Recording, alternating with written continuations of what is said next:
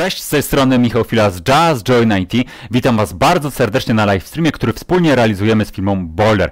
A dziś e, w rolach głównych dwóch dżentelmenów, e, Aleksander Ujek i Krzysztof Nowak. Witam Was panowie bardzo serdecznie. Cześć. Cześć. E, dziś w zasadzie trochę o fazie, e, bo to trochę przewrotny tytuł w zasadzie dzisiejszego livestreamu. E, czyli panowie, dziś w, prezentacji między innymi jak pracować na różnych etapach rozwoju produktu. Na początku, zanim opowiecie o tym livestreamie, to jeszcze przypomnę drogiej społeczności, żebyście w komentarzach i na Facebooku i na YouTubie dali znać, czy nas dobrze widać, czy nas dobrze słychać. No i przejdziemy sobie do tego właśnie livestreamu. Aleksandrze, jakbyś mógł w paru słowach powiedzieć, o czym będzie dzisiejsza prezentacja. Jasne, oczywiście.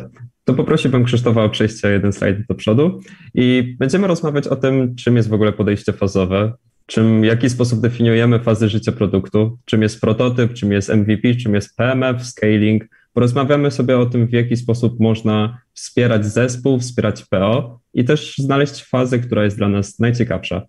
To tak w skrócie. Super. E, bardzo się cieszę. Panowie, zanim Wam oddam głos, e, zanim będziecie tutaj dzielić się wiedzą, to chciałbym, e, żebyście jeszcze, dosłownie, żebyście w paru zdaniach jeszcze powiedzieli kilka słów o sobie.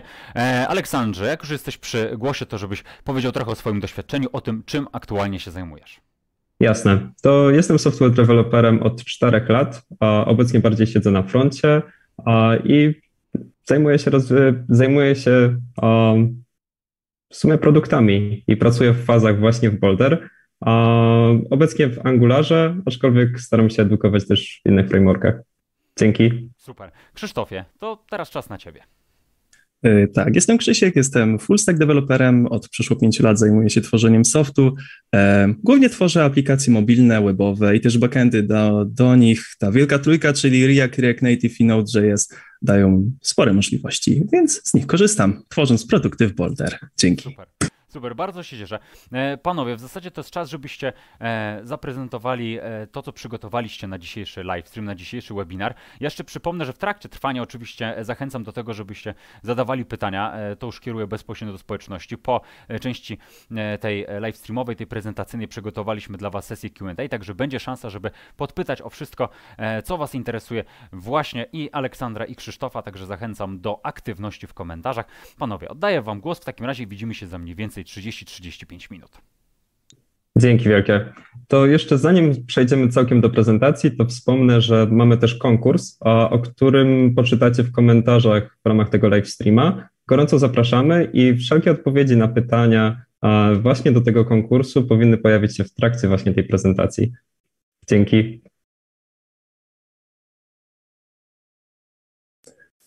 Tak, skoro już wiemy, o czym będziemy mówić, e, to przejdźmy do konkretów. I tak, pierwszą rzeczą, którą wierzę, że warto jest poruszyć, e, to rozróżnienie między produktem a projektem. Pewnie wszyscy pracujecie w projektach, ale budujecie produkty.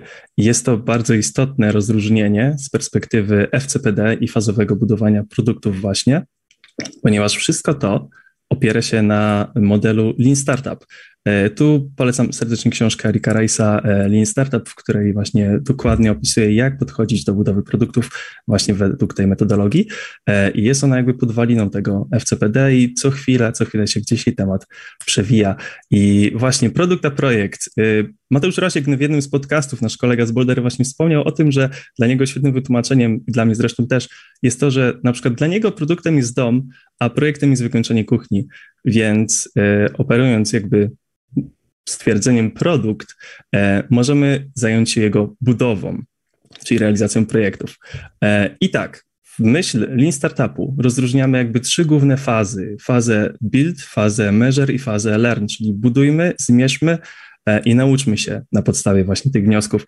Czyli jak to jest? Mamy jakiś pomysł, mamy jakiś pomysł i chcemy coś zbudować. Budujemy ten produkt i bardzo istotne jest, żeby go dobrze ometrykować, ponieważ nawet najlepszy pomysł w naszej głowie e, może okazać się, mówiąc wprost, bezużyteczny dla rynku, albo może być tak, że jesteśmy bardzo blisko genialnego pomysłu, ale to właśnie rynek może nam powiedzieć, czy jest to faktycznie coś, czego on potrzebuje.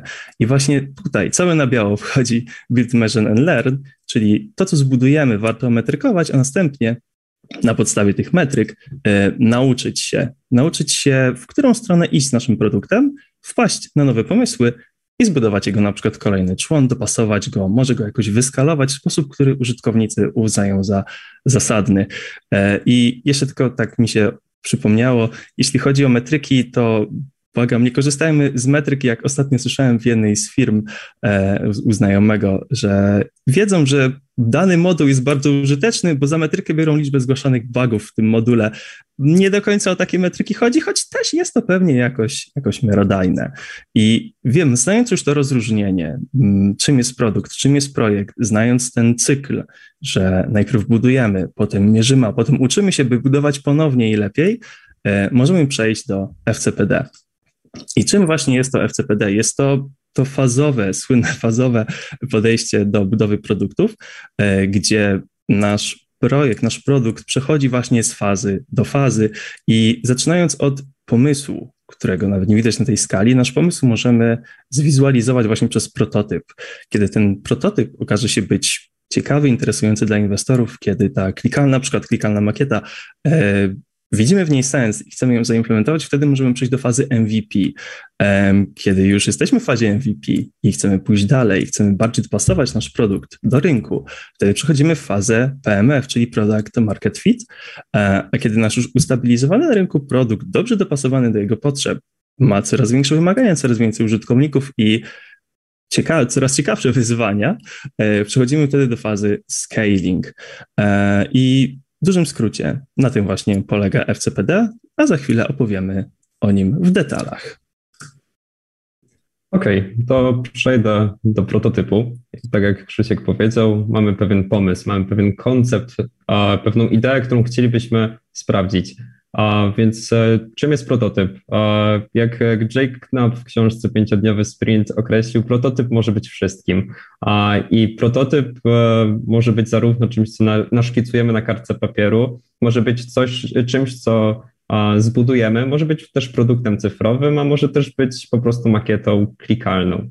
I idea prototypu jest taka, aby zwizualizować ten koncept i móc przetestować ten pomysł.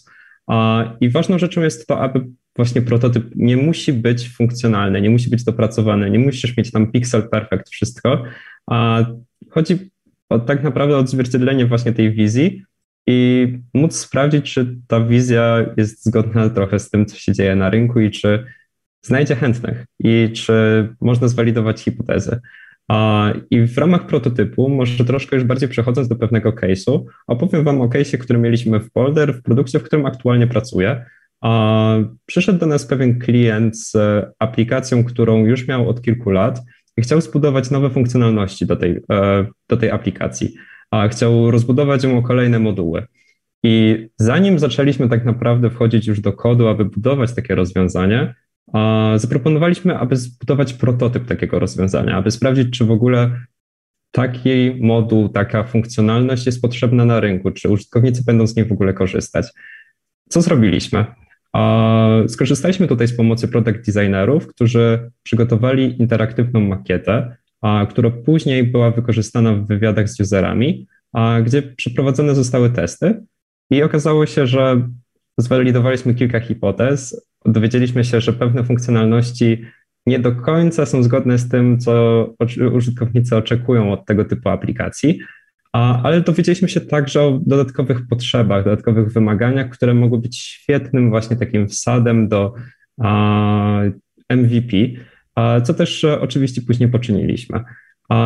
I jakie tutaj korzyści mógł odnieść, mógł odnieść klient, robiąc to w postaci prototypu, zamiast już zbudować faktyczny produkt, czy faktyczny, e, faktyczną funkcjonalność moduł? Otóż przede wszystkim dla klienta to była korzyść finansowa, a przygotowanie takiego prototypu oszczędziło ponad trzy sprinty developmentu, a gdzie w rzeczywistości mm, wykorzystany był wiem, nakład kilku dni na przygotowanie takiego prototypu, przeprowadzenia testów, wyciągnięcia wniosków i zaproponowania dalszego rozwiązania, zamiast budować przez 3-4 sprint funkcjonalności, z których użytkownicy mogli w ogóle nie skorzystać. I to też jest korzyść oczywiście dla zespołu, bo nie tworzą rzeczy, które są no, bezużyteczne, jakby rzeczy, których user nie wykorzysta, których nie kliknie. I to też jest na pewno korzyść też dla zespołu w kontekście budowania takiego prototypu, bo można też już powoli myśleć o tym, w jaki sposób można byłoby to zrealizować w ramach MVP. I przechodząc troszkę dalej, czym jest prototyp i dla kogo jest taki prototyp? To na pewno w kontekście prototypu to prototyp jest raczej dla osób, które chcą porozmawiać, zrozumieć cel tego, co robią, które lubią tworzyć szybko coś i dostarczać jako pierwsze. I w Boulder mamy też e, określony właśnie taki zestaw różnych pytań, które pozwalają określić to, która faza dla Ciebie jest najciekawsza i te właśnie dwa pytania a, mogą Wam pozwolić odpowiedzieć, czy a, prototyp jest czymś, co może być dla Was ciekawe. A, no ale dobrze, mamy już e, określone, czym jest prototyp, opowiedziałem Wam mniej więcej o pewnym case'ie, dowiedzieliście się też, e, która faza mogłaby być dla Was ciekawa w kontekście prototypu, no i mamy ten prototyp, mamy zwalidowane pewne hipotezy, no ale użytkownicy nie za bardzo są w stanie z tego korzystać, bo to tylko interaktywna makieta. To co teraz? No musimy zbudować produkt. I tutaj wkracza MVP. Także Krzyśku. Dziękuję, musiałem się odmutować. E, więc tak, tutaj właśnie wchodzimy w kolejną fazę. Jest to faza MVP. E, Olek wspomniał już o hipotezach, które mają miejsce, e, które sprawdza się na etapie prototypu. To są one równie ważne na etapie MVP. Pewnie wielokrotnie słyszeliście o tym, że ktoś buduje MVP, czasem, że to MVP już trwa drugi, trzeci rok, czasem, że buduje już piąte MVP i dalej jakoś nie może trafić y, na rynek. I w myśl FCPD właśnie MVP wyróżnia się tym, że ono służy do walidacji hipotez, czyli budując coś, my chcemy w relatywnie krótkim czasie wypuścić na rynek produkt, który pozwoli nam sprawdzić te hipotezy i pomimo tego, że to słowo może brzmieć trochę egzotycznie, kryją się za nim, kryją się za nim naprawdę proste rzeczy. Na przykład ile użytkowników skorzysta z naszej aplikacji, albo e, czy jest to taka jakaś dolna granica i jest to wystarczające zainteresowanie, żeby iść dalej z tym produktem, ile transakcji wykonamy, e, ile osób zamówi pizzę przez aplikację, ile osób przesunie palcem w prawo i pozna swoją drugą połówkę, ile osób zamówi sobie taksówkę przez telefon, wiecie, są to hipotezy, które już są potwierdzone, ale pamiętajmy, że dopóki ich nie było, to nie było takie oczywiste. E, dlatego też warto myślę w CPD, swoje produkty MVP budować w ten sposób, że szybko trafiamy na rynek, oczywiście w pełni funkcjonalnie i sprawdzamy, czy w ogóle te hipotezy są zwalidowane. Jeśli nie, Możemy zrobić pivot, możemy jakoś się dostosować, możemy też zrezygnować, bo pomysł może okazać się absolutną klapą. Jeśli tak, możemy rozwijać ten produkt i iść w kolejne fazy. I żeby nie operować tylko na teorii, e, przytoczę tutaj jedno case study. Właśnie przyszedł do nas e, swego czasu klient e, ze Stanów, z, z rynku nieruchomości.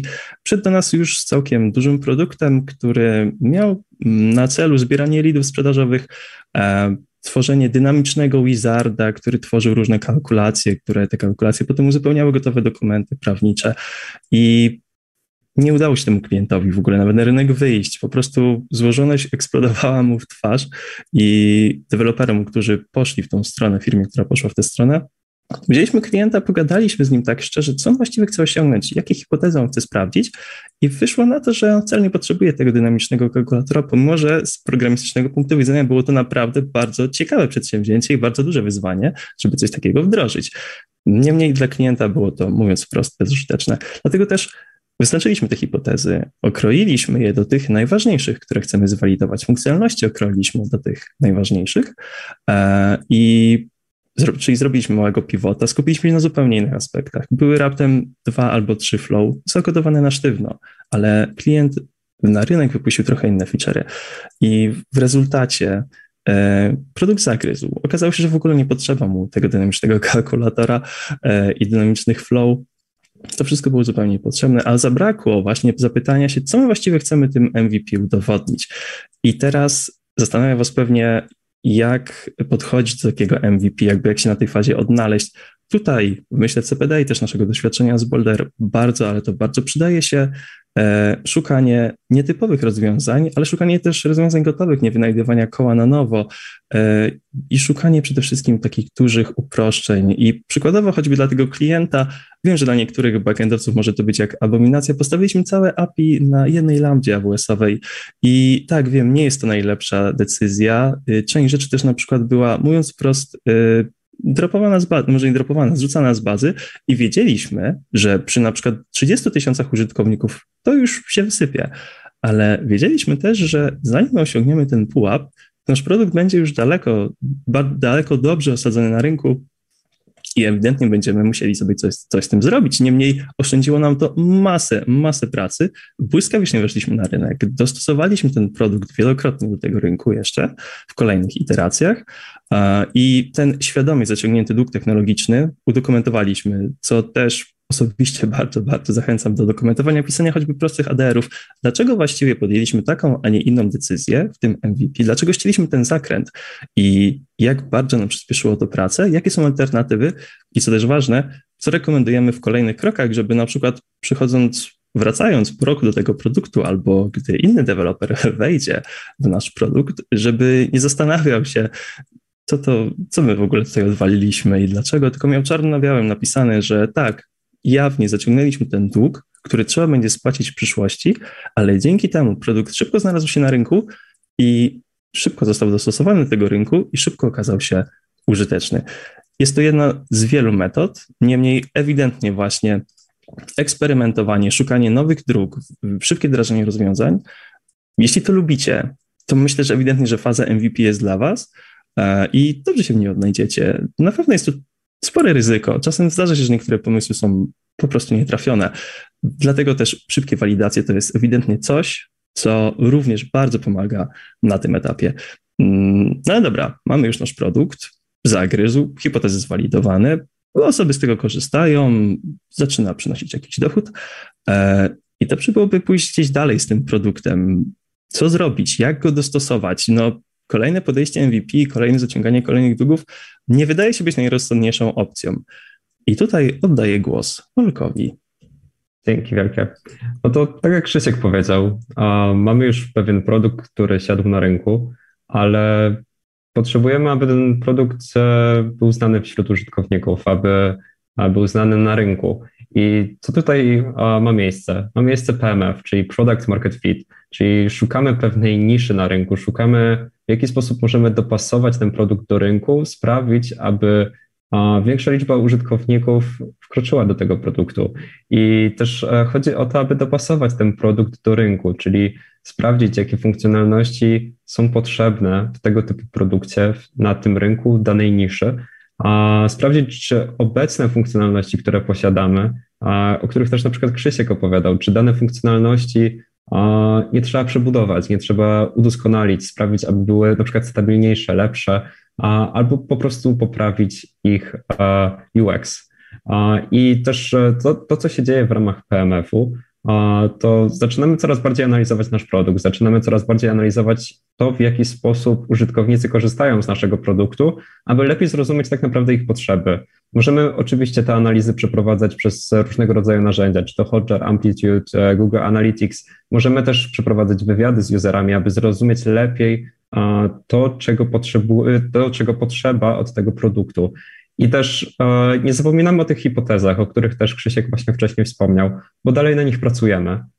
E, definiujemy pewną hipotezę i poprzez różne działania sprawdzamy, czy to, czy to ma sens. E, I tutaj znowu pojawia się właśnie Lean Startup, czyli Build, Measure and Learn.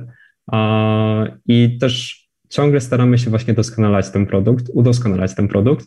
A żeby troszkę opowiedzieć bardziej na przykładzie, może przejdźmy znowu do case'u i opowiem Wam ciąg dalszy trochę historii projektu, w którym właśnie jestem. Zrobiliśmy wtedy ten prototyp, utworzyliśmy tą makietę, która świetnie się sprzedała. Klient wrócił do nas z potrzebą zbudowania MVP. Zbudowaliśmy to MVP i MVP też siadło. Klientom się bardzo podobało, użytkownicy byli zachwyceni, ale wciąż było coś, co można było poprawić. I w tym produkcie, w którym właśnie jestem teraz, a okazało się, że mieliśmy okazję też przeprowadzać właśnie wywiady z, user, z userami, z firmami, które chciały korzystać z tego produktu, a, aby dowiedzieć się, które funkcjonalności można byłoby dobudować do tego produktu, aby sprawić, że ten a, klient, ten użytkownik będzie chciał zapłacić za ten produkt. Czyli co możemy zrobić, aby ten produkt lepiej się komercjalizował? A, I też co, co możemy zrobić, aby ten produkt był po prostu lepszy niż produkt konkurencji? I tu też nie chodzi o to, aby żywnie kopiować to, co konkurencja zrobiła, tylko zrobić to, czego tak naprawdę potrzebuje użytkownik. A więc realizacja też samego PMF-u jakby skupia się na kilku aspektach. Po pierwsze, na budowaniu nowych funkcjonalności, na udoskonaleniu istniejących, na analizie tak naprawdę całego produktu, a dodatkowo też pojawiają się kwestie związane z opieką tematów, które mogły być świadomie pominięte w ramach na przykład MVP, o których na przykład Krzysiek też e, chwilę temu opowiadał. Więc jak słyszycie, tych tematów jest sporo i w, dużym problemem w ramach tej fazy jest też umiejętność znalezienia właśnie priorytetów. I w tym momencie też wkracza na pewno pomoc product ownera czy product strategistów, których też mamy w Boulder, którzy są w stanie pomóc znaleźć tak naprawdę najlepsze rozwiązanie, w którą stronę mamy teraz podążać. A też inny przykład z, z jednego produktu, który mamy w Boulder. Klient e, razem z klientem zbudowaliśmy pewne MVP, które okazało się świetne. Na rynku ludzie oszaleli na temat tego produktu, ale okazało się, że produkt może być zastosowany w 9 czy 10 różnych rynkach i nie wiadomo było, w którą stronę pójść. Czy pójść w stronę jednego rynku, drugiego, trzeciego. I w każdym z tych rynków były inne funkcjonalności tak naprawdę potrzebne, albo udoskonalenie innych. I tutaj też e, właśnie takie wyzwania mogą czekać z ciebie w ramach PMF-u. A skoro właśnie mowa o ludziach, którzy pracują w PMF-ie, to przede wszystkim PMF jest świetny dla osób, które lubią analizować, starają się dostosować to rozwiązanie do realnych potrzeb, które lubią dostarczać nowe funkcjonalności, które odpowiadają na potrzeby użytkowników i które interesują się produktem i rynkiem, na którym działa ten produkt. I też w ramach samego PMF-u, co można tak naprawdę robić, też może bardziej technicznie odpowiadając, to oczywiście jedną z tych rzeczy może być na przykład budowanie design systemu, bo może okazać się, że ten produkt się rozrasta i coraz więcej mamy na przykład komponentów na froncie i często pojawiają się jakieś na przykład duplikaty. A więc e, budowanie takiego design systemu może być świetne w kontekście właśnie utrzymania tego UI-a, a też sprawić, aby ten produkt był po prostu przyjemny dla użytkowników i żeby też dla nas jako deweloperów było łatwiej. Oczywiście też w PMF-ie pojawiają się tematy spłacania długu technologicznego, a czy też właśnie pracowania na tych hipotezach. I Przechodząc dalej, mamy już ten produkt, mamy produkt, który jest na rynku, który już znalazł tę niszę, który stara się dopasować ten produkt do tej niszy, do tego rynku, no ale chcielibyśmy, aby ten produkt był coraz większy, żeby rozrastał się, ale też rozrastał się bezpiecznie. I tutaj przychodzi do nas scaling. Dokładnie tak. Y, Wydaje mi się, że jest to faza chyba najlepiej zrozumiała też dla Was wszystkich. Jakoś, gdy słyszycie scaling, pewnie macie właśnie przed oczami no, duży skalujący się produkt, dużą bazę użytkowników, optymalizację i tak dalej. E, I tak, to wszystko jest prawdą. Niemniej we CPD jest jeszcze jeden bardzo istotny czynnik, który staramy się aplikować właśnie w fazie scaling, w produktach, które są w tej fazie, a jest to właśnie iteracyjny rozwój tego produktu, który już jest osadzony na rynku. Chcemy wyjść naprzeciw oczekiwaniom, chcemy zrealizować oczekiwania klientów, chcemy e, bardzo wiele czynników istotnych dla już ciekawego, popularnego produktu e, zaopiekować. I tak, to, to są takie typowe właśnie tematy jak stabilność, skalowalność, optymalizacja, bezpieczeństwo. To wszystko się wyłania też oczywiście we wcześniejszych fazach. Niemniej tutaj w fazie scaling mm, jakoś łatwiej jest zidentyfikować te obszary, które po prostu najbardziej doskwierają danemu produktowi. E, jeśli chodzi też o takie praktyczne podejście, częstym wyzwaniem jest choćby kwestia, to o czym wspominał Olek, spłacenia tego długu technologicznego. Jednakże to iteracyjne podejście e, implikuje w FCPD implikuje to, że jeśli na przykład planujemy a, przypisać front, wyobraźmy sobie, to też dość częsty case, że mamy aplikację w PHP, mamy jakieś twigi i stopniowo na przykład chcemy przepisywać na Reacta, na przykład przystosowując stosując mikrofronty. E, według FCPD Zalecanym podejściem byłoby zrobienie tego na początku MVP, czyli wybranie jakiegoś konkretnego modułu, który chcemy przepisać, wyznaczenie hipotez, czyli czy użytkownicy będą bardziej zadowoleni, czy może też deweloperzy będą bardziej zadowoleni z pracy nad tym produktem, czy produkt zacznie działać szybciej, czy może um, rynek będzie bardziej zadowolony. E, warto sobie zadać przykładowo takie pytania albo jeszcze inne. Sami wiecie najlepiej, co jest potrzebne dla waszego produktu, e, albo wkrótce się o tym dowiecie, mam nadzieję, e, i zwalidować to właśnie iteracyjnie, czyli zbudować ten MVP, na przykład zamienić część modułów, spłacić ten dług, ocenić, zmierzyć, czy miało to sens i dopiero później a zaaplikować to w całym systemie, w całym produkcie. Dzięki temu możemy ominąć naprawdę sporo błędów. Dzięki temu możemy relatywnie szybko się wywrócić i otrzepać kurz i wstać i pójść w inną stronę, nie przetapiając budżetu klienta, nie frustrując się z faktu, że przykładamy kamienie z jednego końca ogródka na drugi, co też pewnie przyczynia się do jakiegoś poziomu wypalenia zawodowego. Niemniej nie chcę, dzisiaj nie będziemy o tym rozmawiać. Wierzę, że jest to coś, co pozwoli ułatwić pracę i też po prostu ją uprzyjemnić. I jak się odnaleźć, dla kogo jest scaling, dla kogo jest ta, dla kogo jest ta faza. Mm, na pewno nie jest to faza dla osób, które lubią Greenfield. To jest bardziej domena MVP.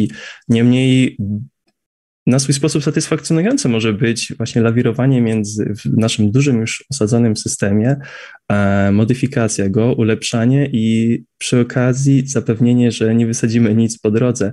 E, jest to na pewno sztuka, na pewno nieraz wymaga koronkowego wręcz podejścia i koronkowej pracy e, przy naszych feature'ach, na pewno jest też to też faza dla osób, które lubią właśnie dopieszczać rozwiązania. Na pewno jest to takie miejsce, gdzie zdecydowanie częściej może to wystąpić niż właśnie w poprzednich e, i różne wyrafinowane rozwiązania i architektoniczne, i programistyczne na pewno znajdą tutaj zastosowanie więc jeśli cieszy, cieszy, cieszą Was właśnie takie tematy, nie przeszkadza Wam to, że nie jest to Greenfield, ale cieszy Was ulepszanie rzeczy, e, sprawienie, że produkt, który już jest na rynku, więc też czerpanie z tej stabilności, już tutaj nie mamy tej niepewności jak MVP, że to, co my robimy teraz w ogóle może wylecieć do kosza, e, tylko mamy już ten sadzony produkt, to ewidentnie jest to faza dla Was. Na pewno się tutaj dobrze odnajdziecie.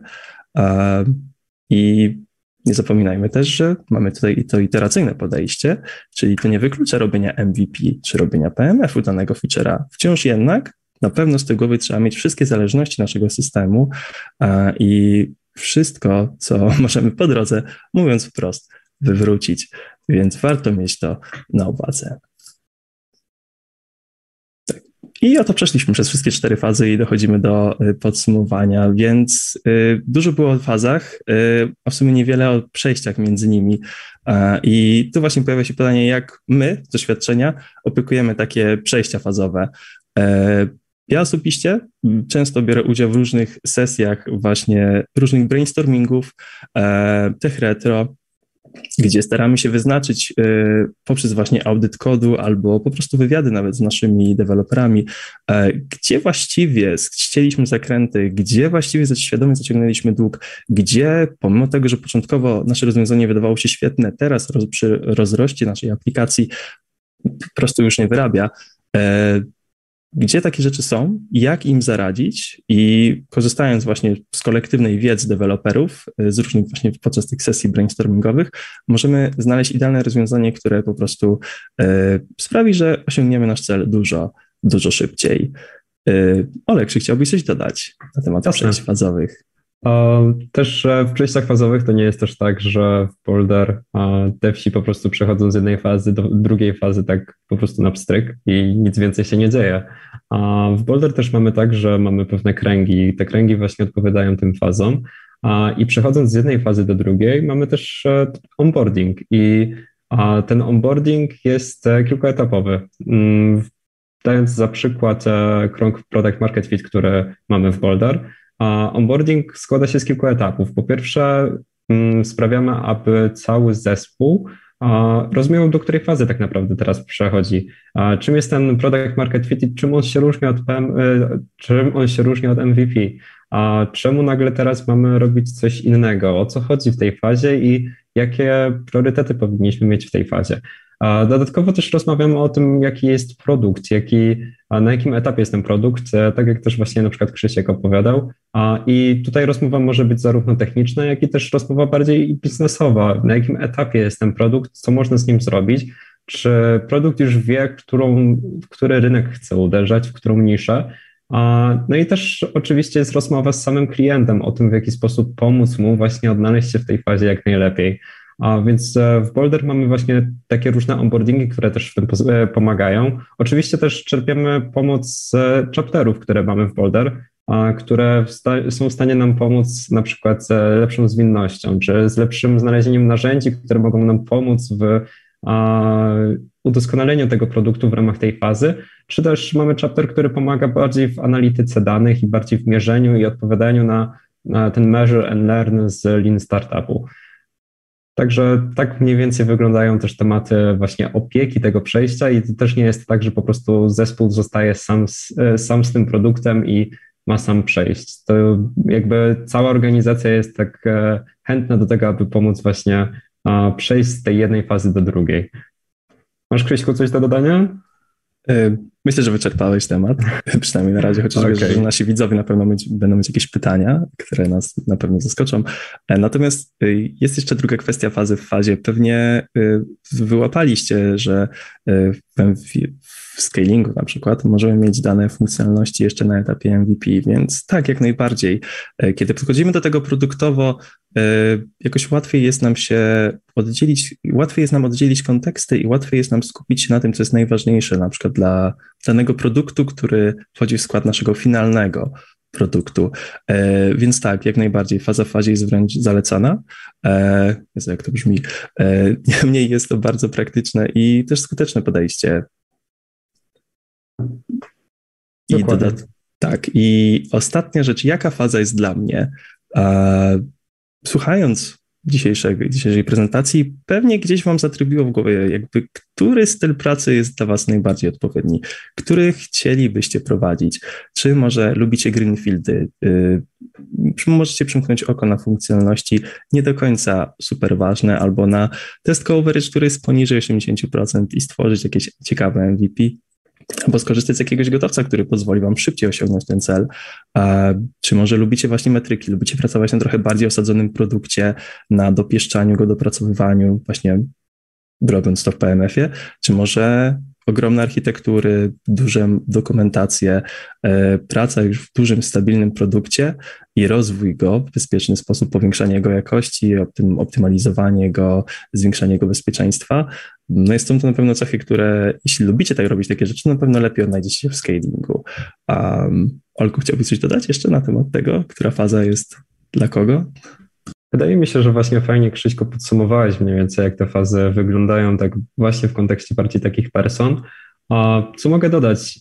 W Boulder mamy też tak, że każdy z e, devsów mógł sprawdzić się w tym temacie, mógł odpowiedzieć na kilku różnych takich pytań, odpowiedzieć samemu sobie, która właśnie faza jest mu najbliższa, a może kilka faz i może wie, że na przykład lubi bardziej pracować w prototypach MVP w PMF-ie, ale na przykład scaling mu nie pasuje albo po prostu jest to faza, w której czułby się troszkę mniej jakby mm, dopasowany.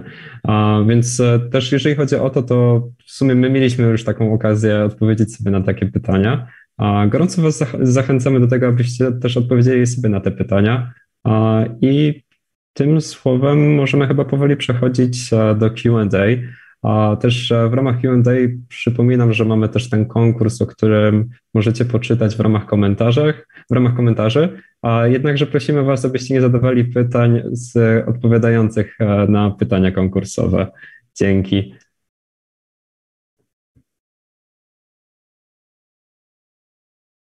Tutaj wprowadzenie do tych wszystkich bardzo interesujących tematów.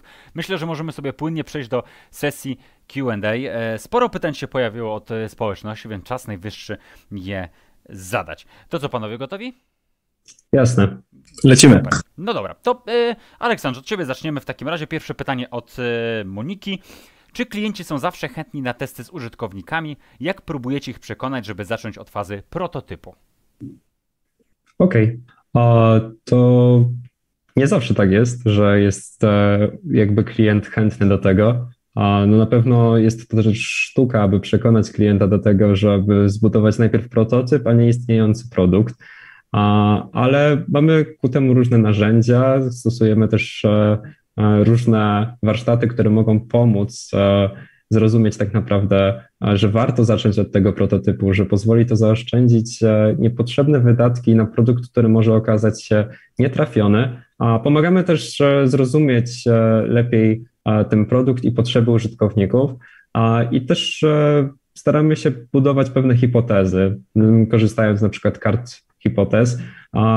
Też jeżeli chodzi o to, to stosujemy też różne dodatkowe narzędzia, które pozwalają nam zrozumieć i też klientowi, co możemy dalej zrobić z tym produktem. Także odpowiadając, nie jest to zawsze takie proste, aby przekonać klienta, ale jest to możliwe. Jasne, super, bardzo się cieszę. E, pytanie od e, Piotra do Ciebie, e, Krzysztofie. Czy przejście między poszczególnymi fazami FCPD dzieje się w sposób organiczny, czy jest to podejm świadomie podejmowana decyzja? Na przykład, dobra, czas nadszedł, przechodzimy do fazy Product Market Fit. Odpowiedź jedna na wszystkie pytania. To zależy oczywiście. Niemniej często, często wynika. Standardowo, dokładnie. Niemniej, żeby być bardziej już konkretnym, mhm nie tylko to zależy, ale jakby często wynika to po prostu tak organicznie. Kiedy już widzimy, że nasz produkt jest osadzony na rynku, kiedy widzimy już, że ewidentnie warto byłoby na przykład uderzyć do innych target person, a kiedy już dług technologiczny zaczyna nam mocno, mocno już deptać po piętach, a wtedy na przykład między MVP a PMF-em warto przejść, warto już wyraźnie to oddzielić, warto już, mając tą gwarancję, że nasz produkt całkiem zagryzł, jeszcze bardziej go wpasować w ten rynek. E, na pewno nie powinna to być jakaś arbitralna decyzja typu tak, dobra, to jest ten moment, kiedy przechodzimy, ponieważ to się zupełnie mija się z celem. To naturalnie produkt powinien dojrzeć do tego etapu, a my powinniśmy wyczaić ten moment i odpowiednio go dostosować. Jasne, super. No dobra, e, kolejne pytanie od e, Talika. Czym się różni development w PMF od developmentu w scalingu? Aleksandrze, do ciebie to pytanie. Jasne. To jeżeli chodzi o PMF, a scaling, to tutaj postaram się tak odpowiedzieć e, troszkę odnosząc się właśnie do samej prezentacji. W ramach PMF-u mocno bazujemy dalej na hipotezach i e, w ramach PMF-u też e, mm, robimy sporo eksperymentów i mamy już produkt, który staramy się dopasować do rynku, do konkretnej niszy. Natomiast w scalingu, scaling pojawia się w momencie, kiedy mamy produkt, który jest już naprawdę duży jest to faza, w której e, bardziej dbamy już o tematy związane ze stabilnością i bezpieczeństwem. I te elementy, oczywiście, które pojawiają się też w PMF-ie, są też oczywiście w scalingu, jednakże priorytety są troszkę inne. Jasne. Okej. Okay. No dobra, e, kolejne pytanie, Krzysztofie, e, tym razem do Ciebie, e, od Emila. Czy zdarza się, że produkt w trakcie fazy MVP według feedbacku od użytkowników nie ma sensu, a klient nadal chce w niego brnąć i dalej w niego inwestować? Jeżeli tak, jak przekonać takiego klienta, by zmienić podejście? Mm, Wydaje mi się, że jakby opinie użytkowników same przez się często przekonują klienta do tego, że delikatnie musimy zrobić pivot, musimy pójść trochę inną stronę.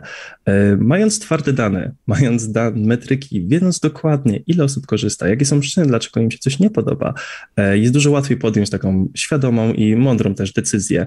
E, rzadko kiedy zdarza się, żeby klient uparcie brnął w coś, co, co nie działa. Też rzadko kiedy, chyba nigdy nie zdarzy się, że my chcemy tak brnąć w coś, co mówiąc krótko nie ma sensu. E, pamiętajmy, operując na budżecie klienta, klientowi jest jakoś łatwiej z tyłu głowy mieć to, że może jednak wywala te pieniądze bez sensu. Niemniej dobrze też, kiedy my pomożemy mu uświadomić ten fakt, że jednak to, nie, nie chodźmy w tę stronę, spróbujmy zmienić kierunek i tutaj ewidentnie twarde dane to jest coś, co przekonuje prawie każdego. Jasne, super. To bardzo ważne, co, e, co mówisz, Krzysztofie. E, pytanie od Anny do Ciebie, Aleksandrze. Jaką fazę polecacie dla osób, które dopiero zaczynają swoją przygodę z IT i nie mają jeszcze doświadczenia komercyjnego? Hmm. Um, trudno mi chyba tak odpowiedzieć bezpośrednio. To też wydaje mi się, że zależy tak naprawdę od danej osoby, której, od tego. Um, gdzie jeżeli ta dana osoba zaczyna pracę z IT, zaczyna jakieś projekty robić, to też e, pytanie, co dla niego wydaje się ciekawe. A warto się sprawdzić też w różnych fazach. To też jest tak, że na przykład w Folder mm, osoba, która jest w PMF-ie, nie jest w PMF-ie do końca życia. Może też przejść sobie do MVP, może przejść do scalingu i może sprawdzać siebie w tej fazie. Bo może się okazać, że tak naprawdę ta faza nie być idealna dla niego.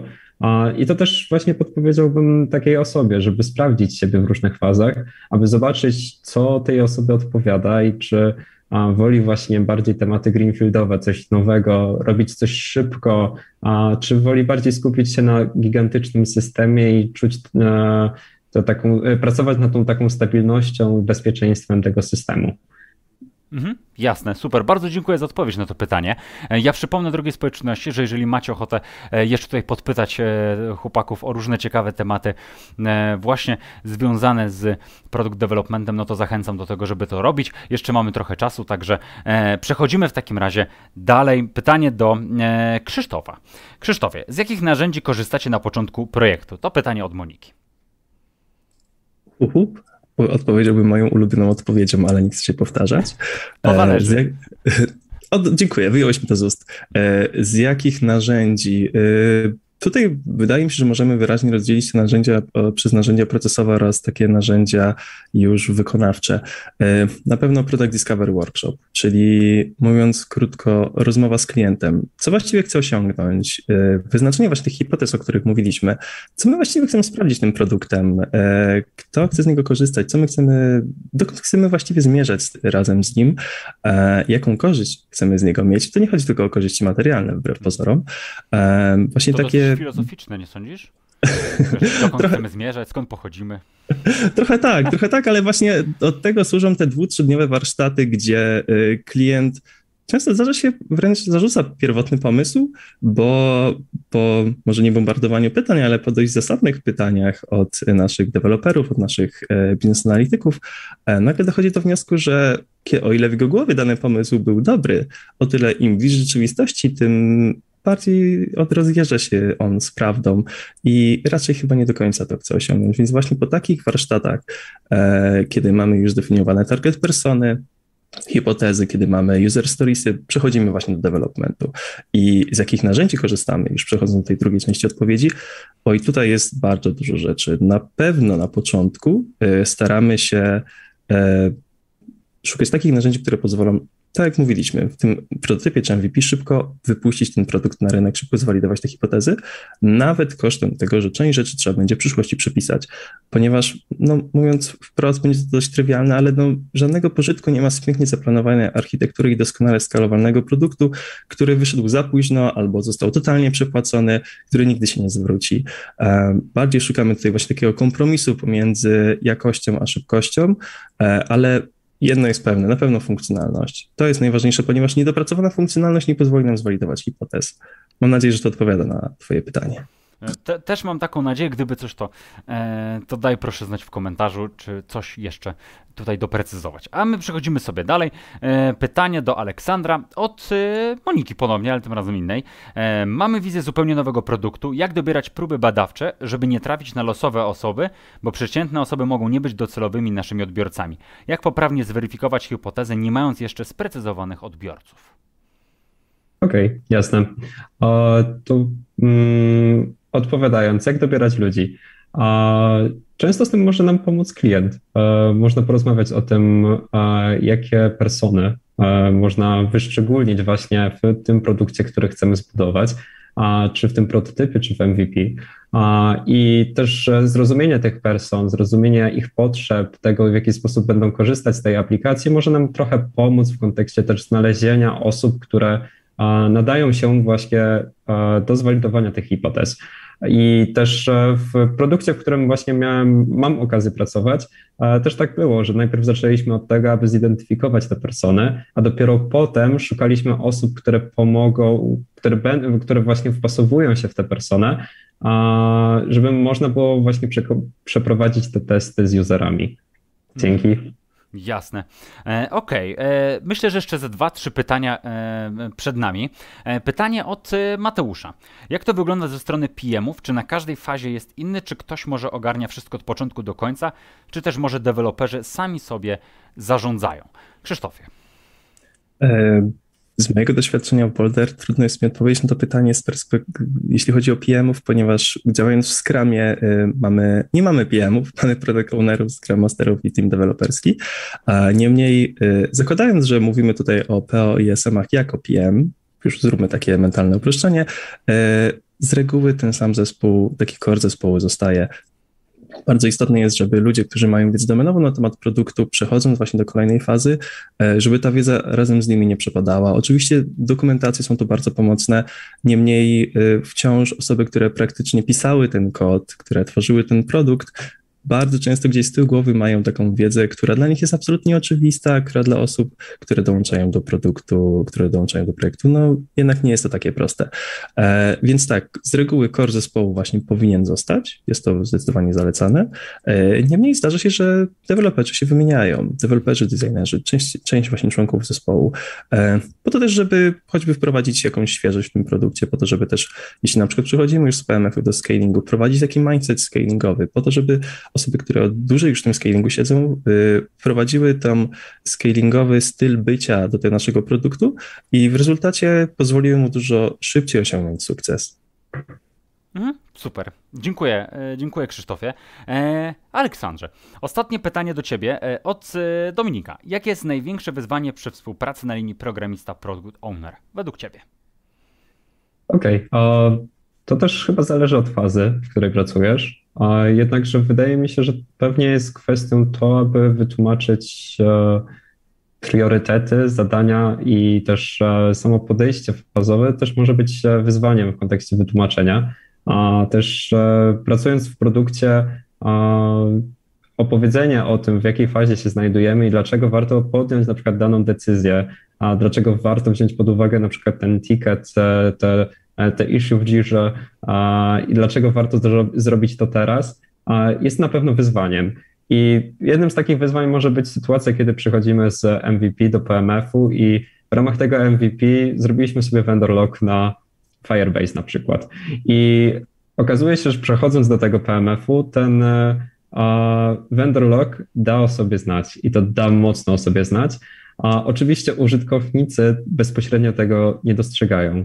Jednakże e, próba zmiany, zmiany tego vendora jest e, w kwestii bardziej właśnie dewelopera i próba wytłumaczenia tego PO, że użytkownik bezpośrednio tej wartości w aplikacji nie będzie miał, też właśnie leży w jego kwestii. To jest zapewne jego właśnie też wyzwanie, ale tu też wkracza właśnie kwestia tego, aby umieć to wytłumaczyć, że może bezpośrednio w aplikacji ten użytkownik tego nie będzie widział, ale odniesie dodatkowe korzyści, które nie są bezpośrednio widoczne. Może na przykład nastąpi a, przyspieszenie tak naprawdę tej aplikacji, bo ta aplikacja będzie szybsza, a, czy może będzie bardziej stabilna, czy bezpieczna, przez to, że zmieniliśmy właśnie vendora. Jasne, super. E, I ostatnie pytanie do Krzysztofa. Krzysztofie, e, pytanie od Włodzimierza. E, jestem copywriterem w e-commerce, a chcę przebranżowić się na project managera. Od czego zacząć i jak skutecznie rozwijać się w project managemencie? Jest to bardzo dobre pytanie, które z chęcią odpowiedziałbym, gdybym wiedział cokolwiek o project managemencie. Jako software developer w Scrumie jest mi to bardzo odległe pojęcie, więc bardzo chciałbym pomóc, ale niestety nie tym razem. Okej, okay, no dobra. E, to w takim razie e, dziękuję za odpowiedź. Znaczy tutaj, Włodzimierz, no niestety ci w tej chwili nie, nie, nie pomożemy, ale e, zachęcam do tego, żeby przejrzeć choćby nasz magazyn kontentowy. Tam na pewno znajdziesz e, odpowiedzi na e, właśnie na Giku. Panowie, bardzo serdecznie Wam dziękuję. E, dziękuję drugiej społeczności za aktywność, za zadanie tak wielu pytań. Wam, panowie, za merytoryczną i dyskusję, i przede wszystkim prezentację. no i cóż, zachęcam do tego, żeby odwiedzić też Brand Story Boulder, sprawdzić kogo aktualnie rekrutują, sprawdzić aktualne rekrutacje, link oczywiście do nich w komentarzach i na Facebooku i na YouTubie. A tymczasem życzę Wam dobrego popołudnia, do zobaczenia, cześć. Cześć.